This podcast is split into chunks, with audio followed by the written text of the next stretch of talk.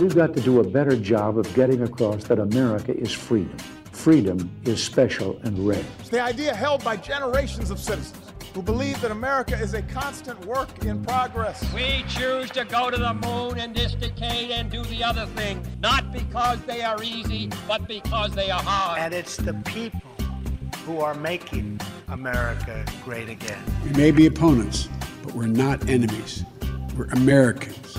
Een jaar geleden keek de wereld toe hoe George Floyd in Minneapolis werd gedood door een politieagent.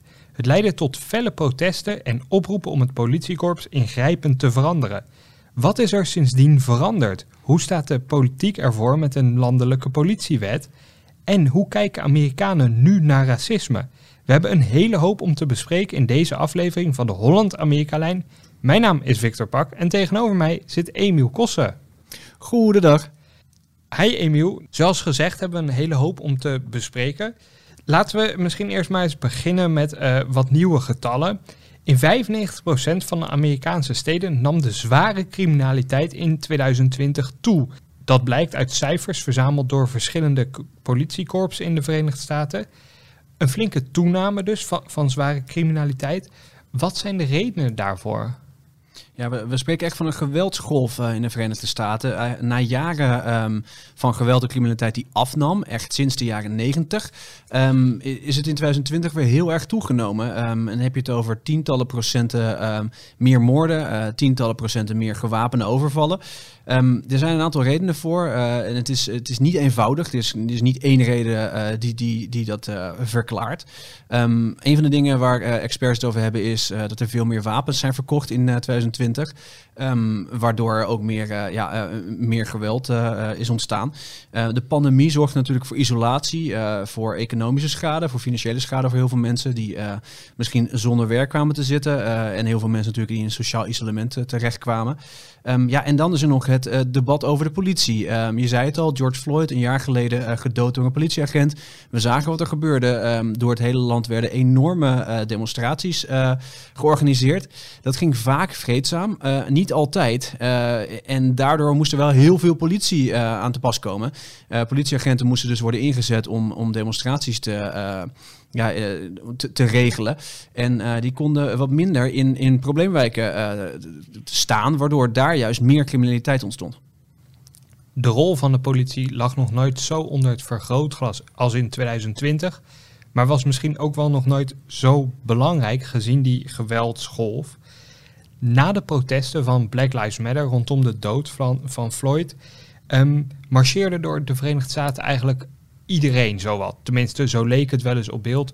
Zwart en blank liep hand in hand en sommige van hen riepen ook op om flink te bezuinigen op politiekorpsen. Hoe staat het daar nu mee? Nou ja, um, het, het, het, verschil per politiekorps, uh, dat zal ik maar eerst vertellen. Maar um, in de meeste Amerikaanse steden, uh, die vrijwel allemaal uh, worden bestuurd door democraten, um, ja, is er de belofte gedaan om flink te bezuinigen op de politie of is er al flink bezuinigd op de politie? En zien we daar de gevolgen dan van terug in die criminaliteitscijfers? Ja, het is moeilijk om, die, uh, om dat verband direct te leggen. Uh, omdat er in heel veel steden uh, is het nog afwachten hoeveel agenten er bijvoorbeeld worden ontslagen. dat, het gaat dan over begrotingen voor een paar jaar. Um, maar op andere plekken, zoals Minneapolis, waar George Floyd overleed, daar, daar is die, ja, die, die connectie wel zichtbaar. Um, in Minneapolis werd beloofd om politiekorps helemaal op te heffen. Um, daar zijn ze nog mee bezig, dat is nog niet gebeurd. Maar wat we wel hebben gezien is dat een record aantal agenten met pensioen is gegaan. Um, en dat er flink minder agenten uh, beschikbaar zijn om op straat te zetten. En, ja, en juist Minneapolis is een van de, uh, van de plekken waar het moordtal bijvoorbeeld zwaar omhoog ging. Jij bent daar vorig jaar geweest nadat de echte felle protesten wel wat waren geluwd. Je sprak toen met een pastoor af die zich grote zorgen maakte om de stad en vooral om de bezuinigingen op het politiekorps. Hoe kijkt die man nu naar de situatie? Ja, dat was uh, Reverend Tim Christopher. Uh, die hebben we destijds ook nog in de uitzending uh, laten horen van deze podcast. Ja, hij had eigenlijk wel een beetje vooruitziende blik. Um, Christopher woont in een, in, in, een wijk in het noorden van Minneapolis, een, een, overwegend zwarte wijk. Een wijk met veel criminaliteit. En ja, hij zei destijds al, um, ja, de politie doet wel dingen fout en daar moeten we het ook over kunnen hebben. Maar um, het wegbezuinigen van de politie, dat gaat juist wijken zoals deze harder raken. ik, ik heb hem pas nog gesproken en ja, hij heeft het erover dat er veel meer uh, criminaliteit op straat is. Dat, dat mensen ja, niet meer bang zijn voor de politie, omdat de politie zich amper laat zien. Nou ja, dat is een probleem. Uh, en het is ook een probleem waar de gemeenteraad van Minneapolis mee, uh, mee steggelt. Want die beloftes die ze hebben gedaan om, de, om het politiekorps maar helemaal te laten verdwijnen en er iets nieuws voor in de plaats uh, te brengen. Ja, die beloften die kunnen ze niet nakomen. In plaats daarvan hebben ze het nu gezegd, we gaan er een referendum van maken. In november moeten mensen in Minneapolis dan beslissen, wel of geen officieel politiekorps. Maar de gemeenteraad heeft dat toch gewoon al beloofd? Ze hebben het beloofd, maar omdat ze die cijfers zien, uh, ja, zijn er een aantal uh, raadsleden een beetje tegen uh, gaan stribbelen. En zeker de burgemeester, Jacob Frey, die baalt eigenlijk van die belofte. die heeft iets heel anders gedaan. Die heeft pas nog gevraagd om meer agenten van de staat en van andere steden om, om Minneapolis heen.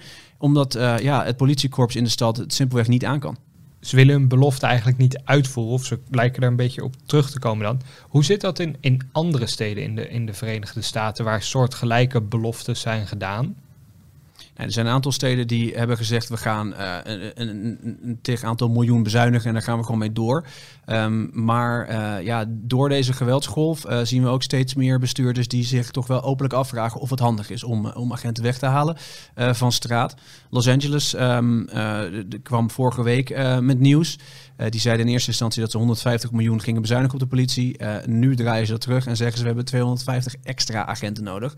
En dat is dan weer een, ja, een direct gevolg van het feit dat het, het moordtal zwaar omhoog is gegaan, ook daar. Um, er zijn al 350 moorden, uh, ruim 350 moorden gepleegd in uh, eh, 2020. En ook dit jaar zit er een stijgende lijn in. Um, ik denk dat dat wel een, een, trend gaat zijn de komende maanden. Dat steeds meer steden um, ja, gaan, gaan, uh, terug gaan komen op die belofte om de politie weg te bezuinigen. Daar zit een zekere paradox tussen, tussen die beloftes van vorig jaar en de realiteit nu. Daarom begonnen we ook met, het, met dat opvallende feit aan het begin van deze podcast. Er zijn wel meer interessante onderzoeken en cijfers. Bijvoorbeeld dat het vertrouwen in de politie afgelopen jaar eigenlijk is, is toegenomen, terwijl het vertrouwen in de Black Lives Matter beweging aanzienlijk is gedaald. Wat is daar de verklaring van? Ja, er zijn ongetwijfeld heel veel verklaringen voor. Maar uh, eentje die, uh, die vrij duidelijk is, is het feit dat een aantal van die demonstraties van Black Lives Matter enorm uit de hand zijn gelopen. Um, we kunnen ons Kenosha nog wel herinneren. Uh, dat dorpje in Wisconsin dat, dat ongeveer in, in, in brand werd gezet. Um, door, door twee groepen die het tegen elkaar op, wilden nemen daar. Um, ja, dat heeft het vertrouwen in Black Lives Matter geen goed gedaan. Tegelijkertijd zie je dus het vertrouwen in de politie dat het juist toeneemt. En dat is ook onder Afro-Amerikanen zo. Uh, dat is een opvallend gegeven waar je niet zo snel bij stilstaat. Maar um, ja, ruim op 8 op de 10 Afro-Amerikanen zegt dat ze in hun wijk uh, meer of hetzelfde aantal agenten uh, willen zien. En de Black Lives Matter beweging heeft zichzelf minder populair gemaakt over verloop van tijd sinds de dood van Floyd. Ja, dat zien we dus uit peilingen um, blijken dat Black Lives Matter wat minder uh, populair is geworden. Um, tegelijkertijd, uh, als je het uh, vergelijkt met een jaar voordat alles gebeurde met George Floyd, is er wel veel meer steun voor, um, voor ja, veranderingen op, op het vlak van, van rassenrelaties van blanke Amerikanen. die gingen opeens meelopen in demonstraties. en juist bij blanke Amerikanen zie je in de cijfers dat, dat veel mensen zich meer zorgen maken om racisme dan, dan voorheen.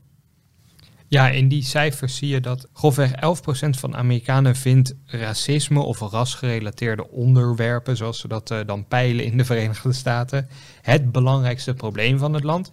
Dat is aanzienlijk hoger dan uh, zeg begin 2020, nog voor de dood van Floyd. Toen schommelde dat zo rond de 3 à 4 procent. Vlak na de dood van Floyd was het echt op een piek, bijna 20 procent was toen. En nu ligt het dan weer zo rond die 10 procent. Dat is wel structureel hoger kan je dan zeggen dat de dood van Floyd mensen wel meer geattendeerd heeft op de problemen rondom racisme in de Verenigde Staten? Zeker. Ehm, kijk, dit is niet alleen de, positie van uh, de politie die uh, onder vergrootglas is komen te liggen. Het is uh, ja, wat democraten systematisch racisme noemen, waar het heel veel over gaat. Um, je kan geen krant openslaan of, ja, of, of dat onderwerp wordt besproken. Um, daardoor lijkt de Verenigde Staten, ik denk ook in Nederland, racistischer dan ooit. Um, dat komt dus ook terug in, uh, ja, in die, die zorgen van Amerikanen. En in die 11% zijn heel veel blanke Amerikanen die zeggen dat ja, racisme het grootste onderwerp is heden dagen. De vraag is of Amerika ook echt racistischer is geworden. Want als je kijkt naar, ja, naar allerlei gegevens, als je die vergelijkt tussen de jaren 90 en nu, dan ja, dan is er eigenlijk heel veel vooruitgang geboekt. Uh, dat klinkt misschien raar voor ons, maar in de jaren negentig zei een meerderheid van Amerikanen nog dat uh, een gemengd huwelijk, dus tussen een blank iemand en een zwart iemand, of een Aziatisch iemand en een blank iemand, dat dat niet oké okay was. Uh, tegenwoordig ja, mag jij gokken hoeveel, hoeveel mensen een gemengd huwelijk helemaal prima vinden. Ja, je hoopt op 100%, maar het zal dat niet helemaal halen. Maar zeg 80 of ja, zo? 9 op de 10. Dus dat is, dat is een, uh, een, een, een, ja, een voorbeeld van dat cultureel gezien uh, dit soort thema's eigenlijk dat er vooruitgang geboekt is. Um, dat verdwijnt natuurlijk op het moment dat George Floyd ja, op camera op zo'n verschrikkelijke manier wordt gedood. Um, Afro-Amerikanen zien dat zelf ook trouwens. Als je um, kijkt naar hoe Afro-Amerikaanse mensen in peilingen reageerden op dezelfde vraag in de jaren 90 en nu, is de kans groter dat je als blanke een beter leven hebt dankzij racisme. Uh, gaf een hoger percentage in de jaren 90 aan dat het geval was dan nu. Dus uh, in hun persoonlijke leven en, um, en ook als ze naar het land zelf kijken, zien ze juist vooruitgang. Dus er verandert wel degelijk iets. Dit zijn vooral misschien uh, culturele onderwerpen. Gaan zwarte Amerikanen er ook sociaal-economisch op vooruit? Ja, dat is een lastige vraag. Um, er is een deel van Amerika dat, een deel van arm zwart Amerika dat nog steeds heel arm is. Um, daar gaat vaak de aandacht naar uit. Uh, tegelijkertijd is ook een, een, een grote zwarte middenklasse. Uh, meer dan de helft van zwarte Amerikanen behoort tot de middenklasse. Een ander deel behoort tot, uh, ja, tot de, de topklasse van Amerika. Um, het gaat dus vaak over die armere Amerikanen. Um, dat is ook een groot probleem, want die zitten wel in zo'n diep dal. Um, dat het heel moeilijk is om die mensen eruit te krijgen. dus de is er, aan de ene kant is er vooruitgang, maar niet voor iedereen. En ja, in getallen zie je dat dus niet altijd terug. Want als je bijvoorbeeld kijkt naar hoeveel welvaart Amerikanen hebben dan doen blanke mensen het nog steeds veel beter. Dat duurt langer. Dan moet je kijken naar verschillende generaties van mensen die, uh, die welvaart opbouwen. Ja, en daar doen blanke mensen het gemiddeld nog steeds veel beter. Dus concluderend is er wel een zwarte Amerikaanse middenklasse opgestaan die er eerst niet was. Maar die zou eigenlijk nog een stuk groter moeten zijn.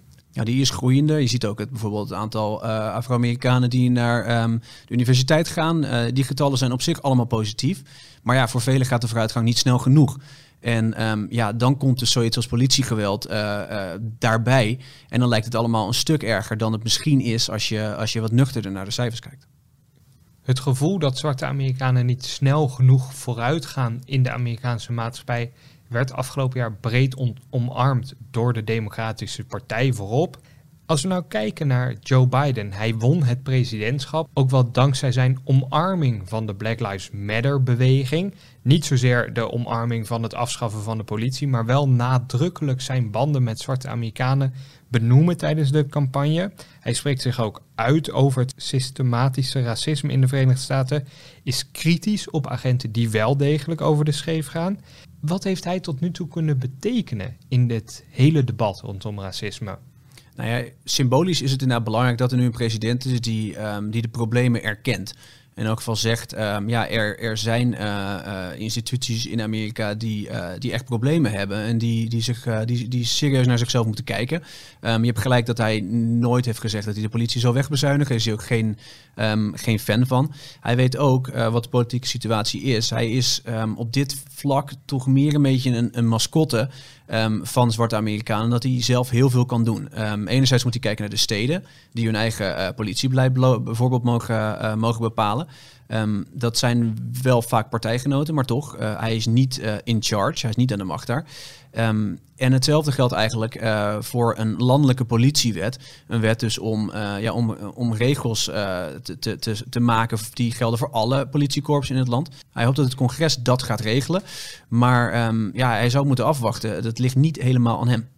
Een mascottefunctie voor Biden is wel misschien wat klein als je bedenkt dat, dat zonder zwarte Amerikanen Biden nooit president was geworden. zijn hele campagne nog tijdens de democratische voorverkiezingen is gered dankzij zijn banden met zwarte Amerikanen. En dat die in de voorverkiezingen van de Democratische Partij massaal op Biden stemden. Bemoeit hij zich dan niet wat actiever misschien met de onderhandelingen in het congres over zo'n politiewet? Dat is wellicht op de achtergrond zo. Daar krijgen we als uh, niet zo heel veel van mee. Um, maar het feit dat hij over dit thema uh, praat, op de manier waarop hij erover praat, een oude blanke man, om het maar uh, zo te stellen, um, helpt natuurlijk wel bij dat culturele onderdeel waar we het net over hadden. Um, het feit dat iedereen praat over racisme, over de problemen ervan, is natuurlijk eigenlijk al vooruitgang. Maar het klopt dat hij politiek gezien, ja, hij blijft zich vooral richten op, ja, op die beetje die saaie politieke thema's waar meer Amerikanen achter staan, infrastructuur en dat soort zaken. Maar in het congres wordt wel gewerkt aan zo'n veelomvattende politiewet. Nou hebben we wel eens besproken dat de Democraten al eens op, op eigen initiatief zo'n wet hadden aangenomen. Nou, die verklaarden we toen uh, politiek onmogelijk. Op sterven na dood, bij wijze van spreken, omdat dat nooit echt serieus kans zou maken in het congres. Maar hoe staat het nu met een, een wet die wel kans maakt in het congres? Is die er? Nou, er wordt al maanden gesproken over um, een, een politiewet die zowel democraten als republikeinen kunnen steunen. Um, en dat die gesprekken er zijn, dat moeten we zien als een heel hoopvol teken. Uh, het klopt dat er in eerste instantie was er uh, vrij snel na uh, de dood van Floyd was er een, een democratische wet. Um, toen brachten ook de republikeinen in de Senaat een, een, een, een wetsvoorstel naar buiten. maar eigenlijk wilden de twee partijen op dat moment helemaal niet praten. Er was geen politieke wil voor. voor nu wordt er serieus gesproken achter de schermen uh, in de lute tussen um, Karen Bass, dat is een democraat in het Huis van Afgevaardigden, en Tim Scott, dat is een senator, een republikeinse senator, de enige zwarte republikeinse senator, um, over een wet die dan een beetje een compromis moet, uh, zijn tussen de twee zijden. En um, ja, het, het, is nog geen done deal, maar um, ja, er is wel vooruitgang. Uh, Biden wil dat eigenlijk ondertekenen in de week dat uh, Floyd dood werd herdacht. dat is niet gelukt, maar de kansen zijn vrij goed dat er wel uiteindelijk iets van een wet komt. En wat zou er dan in zo'n compromiswet komen te staan? Er zijn een paar thema's um, waar beide zijden het min of meer over eens zijn. Um, het gaat over um, uh, de, soort van militaire uitrusting die politieagenten uh, in veel steden hebben. daar moet iets aan worden gedaan. het gaat om uh, het recht van politieagenten om, om, om chokeholds uit te voeren. om dus iemand bij de nek te grijpen. dat is hoe, hoe George Floyd ook is overleden. dat recht moet worden ontnomen van agenten, vinden zowel democraten als republikeinen. Een wat meer heikel punt is um, wat nou precies de, de rol is van een politieagent en in hoeverre die juridisch verantwoordelijk kan worden gehouden voor iets wat hij of zij uh, tijdens zijn werk doet. Um, dat heet qualified immunity, dat recht. Um, voorwaardelijke immuniteit. Het probleem is een beetje dat het voorwaardelijke uh, nogal is weggevallen. Agenten komen heel vaak weg met wat ze doen uh, tijdens hun werk. Ook als het uh, ook als later blijkt uit videobeelden of wat dan ook. Dat dat misschien niet helemaal de juiste reactie was. Um, het is een heel heikel punt om dat te veranderen. Democraten zeggen we willen gewoon af van qualified immunity. Um, maar ja, je kan ook niet agenten de hele tijd gaan veroordelen. Want ja, agenten komen nou eenmaal in lastige situaties terecht. Um, dus daar zou iets uh, voor gevonden moeten worden. Uh, Republikeinen die, die, um, ja, die, die stribbelen dus een beetje tegen op dat punt. Kan er uiteindelijk wel een doorbraak worden gevonden tussen de twee partijen? Waar we nu een beetje op wachten is dat de Republikeinen proberen om de steun te krijgen van politievakbonden. Um, dat is een hele een machtige tak uh, in Amerika. Politievakbonden hebben door de jaren heen allerlei um, ja, voorgestelde veranderingen weten tegen te houden. Um, het is helemaal niet zo'n slimme, helemaal niet zo'n um, zo'n zo'n gekke stap van Tim Scott, die senator, om, uh, ja, om te kijken waar de politievakbonden, uh, ja, waar ze wel mee willen instemmen. En om daarmee aan de slag te gaan. Want op die manier kan een wet echt komen. Um, er zijn dus nu wel democraten in het huis en in de Senaat die een beetje aan het morgen zijn van waarom duurt het zo lang. Maar ja, op lange termijn is het waarschijnlijk uh, wel zo handig om de politievakbonden met je te krijgen op deze wet. Want dan kan er uiteindelijk daadwerkelijk een wet komen op het, uh, op het bureau van Joe Biden. Ten slotte zijn ze in Washington DC alleen maar bezig met die politiewet? Of is er, naar aanleiding van de dood van Floyd en de massale protesten vorig jaar, meer in beweging gekomen door de Black Lives Matter beweging? Ja, dat is natuurlijk wel een beetje gek. Hè? Dat is een van de resultaten, of een van de gevolgen van uh, die maanden van protesten. Uh, we hebben het heel veel over de rol van de politie. Alsof dat um, ja, uh, alles zou oplossen wat betreft verschillen tussen zwart, blank of Latino. Um, dat is natuurlijk niet zo.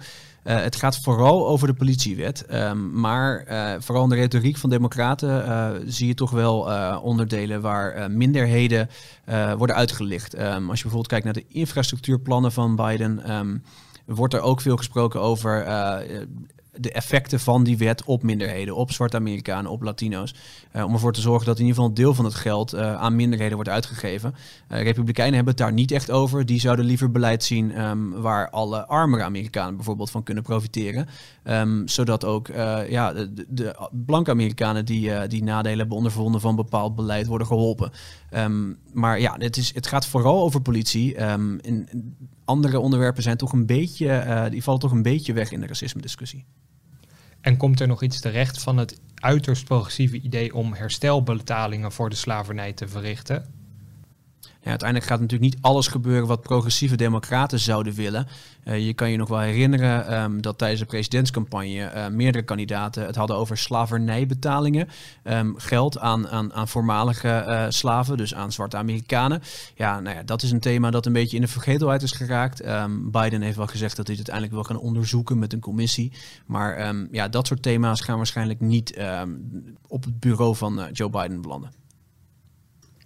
Met huisamerikanist Koen Petersen spreek ik nog even door in de presidenten van Petersen. Hi Barack Hussein Obama. Hi George Herbert Walker Bush. William Jefferson Clinton do solemnly swear. De presidenten van Petersen. So help me God. Fijn dat je er weer bent, Koen. We gaan het vandaag hebben over John Tyler. Het is voor velen een onbekende naam. Hoe kwam hij aan de macht?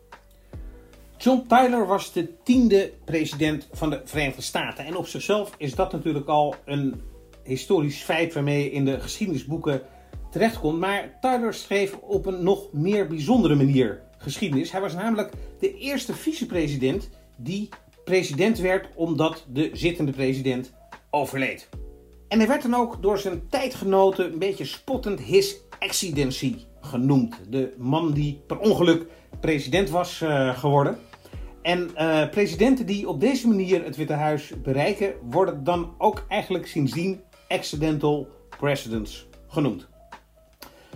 Tyler kwam weliswaar op een wat gekke manier in het uh, Witte Huis uh, terecht, maar hij kende het klappen van de zweep wel. Hij was gouverneur geweest van Virginia, toen een van de twee grote staten, samen met, met New York. Een beetje te vergelijken met hoe belangrijk Californië en Texas en Florida in deze periode zijn.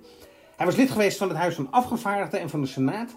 En hij was uiteindelijk gekozen als vicepresident van de Verenigde Staten in 1840 en op die positie in 1841 beëdigd. Hij was een uh, democraat van, uh, van oorsprong. De partij van Andrew Jackson, de president die uh, historisch schreef door heel veel macht naar het Witte Huis te trekken.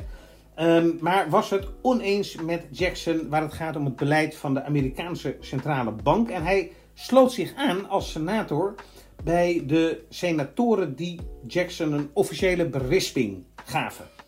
En eigenlijk leidde dat tot een conflict waarmee uh, Tyler uit de Democratische Partij uh, stapte en zich aansloot bij de Whigs. En de Whigs was eigenlijk een partij die vooral verenigd was rond het feit dat alle belanghebbenden tegen Jackson uh, waren, maar verder niet een heel uitgesproken programma hadden. Nou, in 1840 was William Henry Harrison de presidentskandidaat voor de Whigs. En ook de eerste die met succes gekozen zou worden namens die partij. Maar um, er moest nog een running mate bij worden gezocht. En om de electorale kansen van de partij te vergroten, werd Tyler aangezocht als kandidaat voor het vicepresidentschap. Hij was namelijk conservatief. Hij kwam uit een zuidelijke staat. En uh, uit Virginia nog wel. Dus men dacht, als we hem running mate maken, dan krijgen we meer stemmen in het zuiden. Dan halen we misschien die belangrijke staat Virginia binnen en kunnen we het Witte Huis bereiken. En dat gebeurde dan ook, dus dat bleek een goede inschatting te zijn geweest.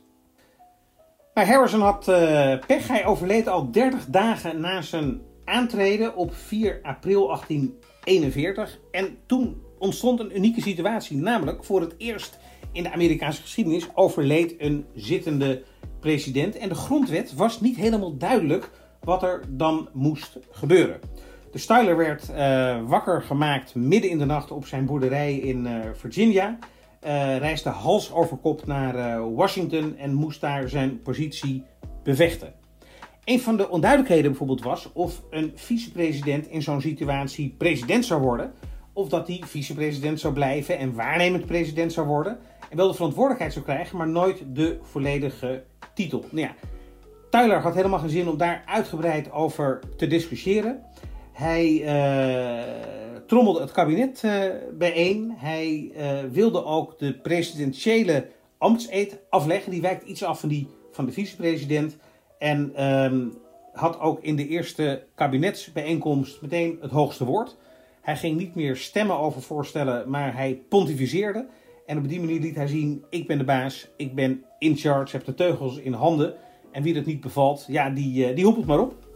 Dus de eerste periode van zijn presidentschap moest Tyler echt keihard werken om zijn positie te consolideren. Met name ook omdat die grondwetstekst niet een volledige oplossing bood. En op die manier dat presidentschap van hem altijd werd betwist. En het is in dat opzicht ook bijzonder dat de formele tekst van de grondwet bij een grondwetswijziging, het 25e amendement, uh, pas in 1967 werd aangepast en pas toen ook formeel werd uh, geformuleerd dat een vicepresident president wordt op het moment dat die presidentspositie vakant wordt. Nou, het presidentschap van Tyler was dus wel wat turbulent. Het begon niet alleen turbulent, maar het, uh, het bleef het ook. Dat was op de eerste plaats natuurlijk vanwege die legitimiteit van het presidentschap, wat nooit een lekkere start is en toch altijd wel wat onrust kan uh, blijven geven. Maar hij was daar zeer principieel in.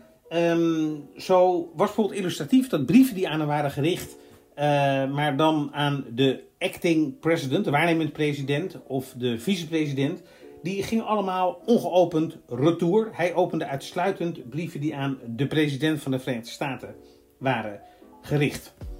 Daarnaast ontstond er ook meteen na het overlijden van William Henry Harrison een machtsstrijd binnen die Whig-partij. Want uh, Tyler was dan ja, president en eigenlijk ben je ook wel de, de baas van die partij. Maar hij was natuurlijk een beetje een ongenode gast, want hij was um, ja, op het laatste moment uh, running mate uh, geworden en nog helemaal niet zo lang betrokken uh, bij die partij. Dus daar ontstond ook meteen spanning op de lijn, omdat de oprichter van de partij, Henry Clay, in de Senaat zat en daar de leider was van de Whig-senatoren. En die kon het natuurlijk Harrison behoorlijk lastig maken. En die is ook permanent bezig geweest om het gezag van Harrison te ondermijnen. Omdat Clay zelf president wilde worden en ervoor wilde zorgen dat hij in 1844 de presidentskandidaat zou zijn van die Whig-partij. En daarna speelde ook nog een belangrijk politiek thema. En dat was de annexatie van Texas. Texas had zich losgevochten van Mexico, was een zelfstandige staat en had al verschillende keren aansluiting gezocht bij de Verenigde Staten. Maar dat liep altijd mis, omdat de Verenigde Staten er nog niet klaar van waren. En dat was ook een beetje een gevoelig thema, omdat slavernij nog een belangrijke rol speelde. En bij elke staat die toetrad tot de Unie, het de vraag was: is dat nou een slavenstaat, een staat waar slavernij is toegestaan, ja of nee? Omdat dat de machtsbalans enorm kon beïnvloeden. Dus niet iedereen zat ook te wachten op die annexatie van Texas. Nou, Tyler dacht: als ik dat voor elkaar krijg, dan worden misschien mijn kansen op een uh, eigen termijn als president groter. Dat ik zelf gekozen kan, uh, kan worden. Um, en dat domineerde ook de laatste periode van zijn uh, presidentschap. Uiteindelijk lukte het hem niet om die nominatie van die Whig-partij uh, te krijgen. Het lukte hem ook niet om bij zijn oude partij de macht terug te grijpen. Dus zijn presidentschap naderde zijn einde. Maar in die laatste periode wist hij toch de Texas-annexatie voor elkaar te krijgen. In overleg met zijn gekozen opvolger uh, James Polk. Maar dat betekende wel dat er een uh, gevoelig thema uh, door hem nog op tijd kon worden afgerond. Wat voor de rest ook nog wel heel uh, aardig is om te weten, is dat Tyler de president was met de meeste kinderen, 15 stuks. En die kreeg hij dus ook op zeer hoge leeftijd. En een van zijn zoons kreeg ook weer kinderen op zeer hoge leeftijd. En dat bij elkaar leidde ertoe dat de laatst levende kleinzoon van Tyler pas vorig jaar overleed in 2020, terwijl zijn grootvader in 1840 was gekozen als vicepresident en in 1841 president werd.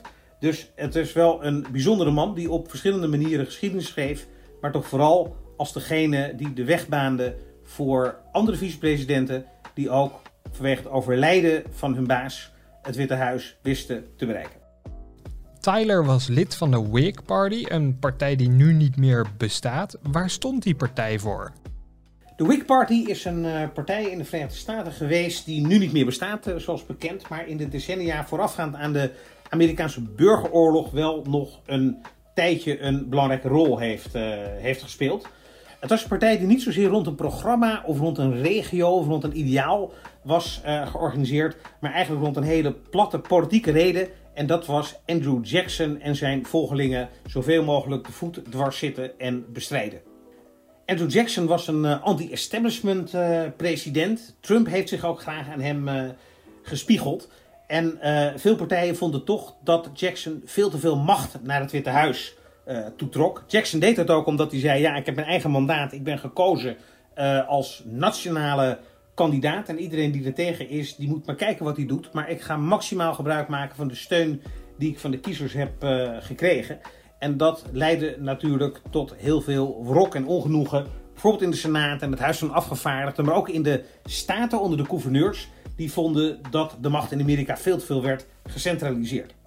Nou, het lukte in het begin uh, niet meteen om het uh, Witte Huis uh, te bereiken. Ze haalden wel zetels in de Senaat en in het Huis van Afgevaardigden. Maar in 1840 lukte het dus William Henry Harrison als eerste Whig-presidentskandidaat om daadwerkelijk president te worden. En John Tyler, waar we het al zojuist over hebben gehad, die werd vicepresident. Nou ja, omdat die partij een hotchpotch was van allerlei belangen en standpunten en regionale invalshoeken, duurde het ook niet lang voordat daar gedonder ontstond. En dat was natuurlijk ook nog eens een keer versterkt door het feit dat de politiek leider van de Whigs in de Senaat zat, Henry Clay. En uh, John Tyler, die eigenlijk nog maar kort bij die partij betrokken was, opeens als hoogste politicus in het Witte Huis terecht was uh, gekomen. Dus die partij viel eigenlijk vrij snel weer uh, uit elkaar. En dat kwam met name ook door de discussie rond slavernij. Sowieso een uh, thema dat het land ja, uiteenscheurde en leidde tot die burgeroorlog. Maar dat ging eigenlijk ook al binnen die Whig-partij niet helemaal goed. In de zuidelijke staten had je Whig-politici die waren voor het behoud van slavernij. In de noordelijke staten had je Whig-politici die waren er tegen.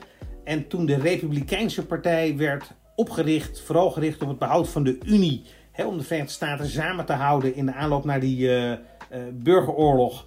En ook een hele sterke basis had in het noorden van de Verenigde Staten. Dus in dat opzicht was het ook een partij die dat regionale belang veel beter begreep. En ook vanuit die positie tegen slavernij zich uh, keerde. En nogmaals voor het behoud van de Unie en tegen het ontstaan van een burgeroorlog. Nou, in 1856 lukte het de Republikeinen nog niet om het Witte Huis te bereiken. Dat was de eerste keer dat ze met een presidentskandidaat aan de verkiezingen deelnamen. Maar in 1860 lukte dat wel. Abraham Lincoln werd met een totaal verdeelde verkiezingsuitslag uiteindelijk de winnaar van het Witte Huis met nog geen 40% van de stemmen. En toen de burgeroorlog begon en de unionisten, de mensen die tegen slavernij waren en de Unie bij elkaar wilden houden, zich echt allemaal achter Lincoln uh, gingen scharen. Uh, betekende dat het einde van die Whig-partij, en dat zou ook niet lang meer duren voordat die partij eigenlijk in de Republikeinse Partij zou zijn opgelost. We weten het natuurlijk niet, maar misschien koestert Kamala Harris wel de stille hoop om, nou ja, net als Tyler, aan de macht te komen na het overlijden van de president. Maar hoe groot is de kans eigenlijk van een vicepresident om president te worden? Als bij Amerikaanse verkiezingen in de Republikeinse en de Democratische Partij die voorverkiezingen weer beginnen, is er geen enkele presidentskandidaat die zegt: nou ja, als ik de nominatie uh, niet win, dan vind ik het vicepresident ook wel prima. Iedereen zegt dat ze daar geen zin in hebben en alleen maar president willen worden. Uiteindelijk zie je toch wel dat kandidaten die afvallen uiteindelijk running mate worden uh, van de uiteindelijke presidentskandidaat. Joe Biden was daar een voorbeeld van, die meedeed met de voorverkiezingen in 2008 tegen Obama en later met Obama als running mate de verkiezingen inging. En Kamala Harris deed hetzelfde in 2020. Die voerde campagne tegen Biden in de voorverkiezingen. En uiteindelijk won Biden de nominatie en accepteerde zij ook de nummer 2 positie. En eigenlijk is dat heel verstandig, omdat de kansen om daarmee president te worden veel groter zijn dan wanneer je gewoon zelf aan die voorverkiezingen deelneemt. Uh, wat cijfertjes. Uh, de afgelopen democratische voorverkiezingen, daar deden 29 serieuze kandidaten aan mee. Dus de kans dat je de nominatie had kunnen winnen was 1 op 29. En dan moest je het nog opnemen tegen de kandidaat van de andere partij, Trump in dit uh, geval. Dus dat was 1 op 29 en dan nog een keer 1 op 2. Dus bijna een kans van 1 op 60 om succesvol na zo'n proces in het Witte Huis terecht te komen. En dat is natuurlijk niet heel erg veel. Als je dat vergelijkt met de kans dat je als vicepresident in het Witte Huis terechtkomt, dan is dat een veel aantrekkelijker propositie. Want van de 46 presidenten die Amerika tot nu toe heeft gehad, inclusief Biden, uh, zijn er 9 als vicepresident doorgeschoven. Dus een kans van iets meer dan 1 op 5. Biden is iemand die niet doorschoof omdat zijn baas een vacature achterliet, maar omdat hij als oud vicepresident met de statuur ook van die historische positie aan de voorverkiezingen en de verkiezingen deelnam. En daar was hij weer uh, succesvol in en dat lukte ook Richard Nixon. Dus die maakte beide gebruik van het feit dat ze vicepresident waren geweest. En dat geeft toch iets meer status ten opzichte van een senator of een burgemeester of een gouverneur of een afgevaardigde. Daarnaast is het ook twee keer gebeurd in het huidige stelsel van running mates dat een zittend vicepresident uh, meedeed aan de voorverkiezingen en op die manier de presidentsverkiezingen won. Dat gebeurde Martin van Buren in 1836, toen de termijn van Andrew Jackson uh, aan het aflopen was. En dat gebeurde de oude George Bush, uh, de vicepresident onder Reagan, die Reagan bij de verkiezingen van 1988 wist op te volgen. Dus in dat opzicht zie je dat de kansen voor een zittend vicepresident of voor een oud vicepresident om het Witte Huis te bereiken veel groter is. Daarnaast doe je ook als ervaring op in het voeren van een nationale campagne, echt in alle 50 staten. Dat is toch ook wel een stuk ervaring die enorm helpt als je zelf nog eens een keer voor het hoogste ambt wilt, uh, wilt gaan. En uh, je kunt ook verschrikkelijk veel personen leren kennen die voor jou campagne willen voeren, geld willen geven, je op een andere manier uh, willen helpen. Dus het is ook wel een positie die verschrikkelijk veel mogelijkheden biedt als je er maar bereid voor bent gebruik van te maken. Nou ja, Harris is als vicepresident tot nu toe niet heel erg zichtbaar uh, waar het gaat om beleid. Ze is natuurlijk wel zichtbaar als een soort uh, achtergrond decorstuk zoals Pence dat ook was onder uh, Donald Trump. Maar zichtbaar waar het gaat om vingerafdrukken op het beleid, dat hebben we nog niet gezien. Maar dat maakt ook niet zo verschrikkelijk veel uit, omdat ze waarschijnlijk wel op de achtergrond al die knoppen kan indrukken die haar kansen op Witte Huis uiteindelijk groter moeten maken dan wanneer ze als senator in uh, Washington was uh, gebleven en over vier of acht jaar weer als een van de velen aan die voorverkiezingen had moeten deelnemen. Dus een verstandig besluit van uh, Harris. En we gaan de komende jaren zien of dat ook uiteindelijk door haar kan worden verzilverd. Dankjewel Koen en ook dank aan Emiel. Over twee weken zijn we weer terug met een nieuwe Holland-Amerika-lijn. Misschien kunt u ons in de tussentijd een goede beoordeling geven in uw favoriete podcast-app als de afleveringen u bevallen. Vergeet u ook niet te abonneren, zodat u de volgende aflevering vanzelf ontvangt. Hartelijk dank voor het luisteren en graag tot de volgende keer.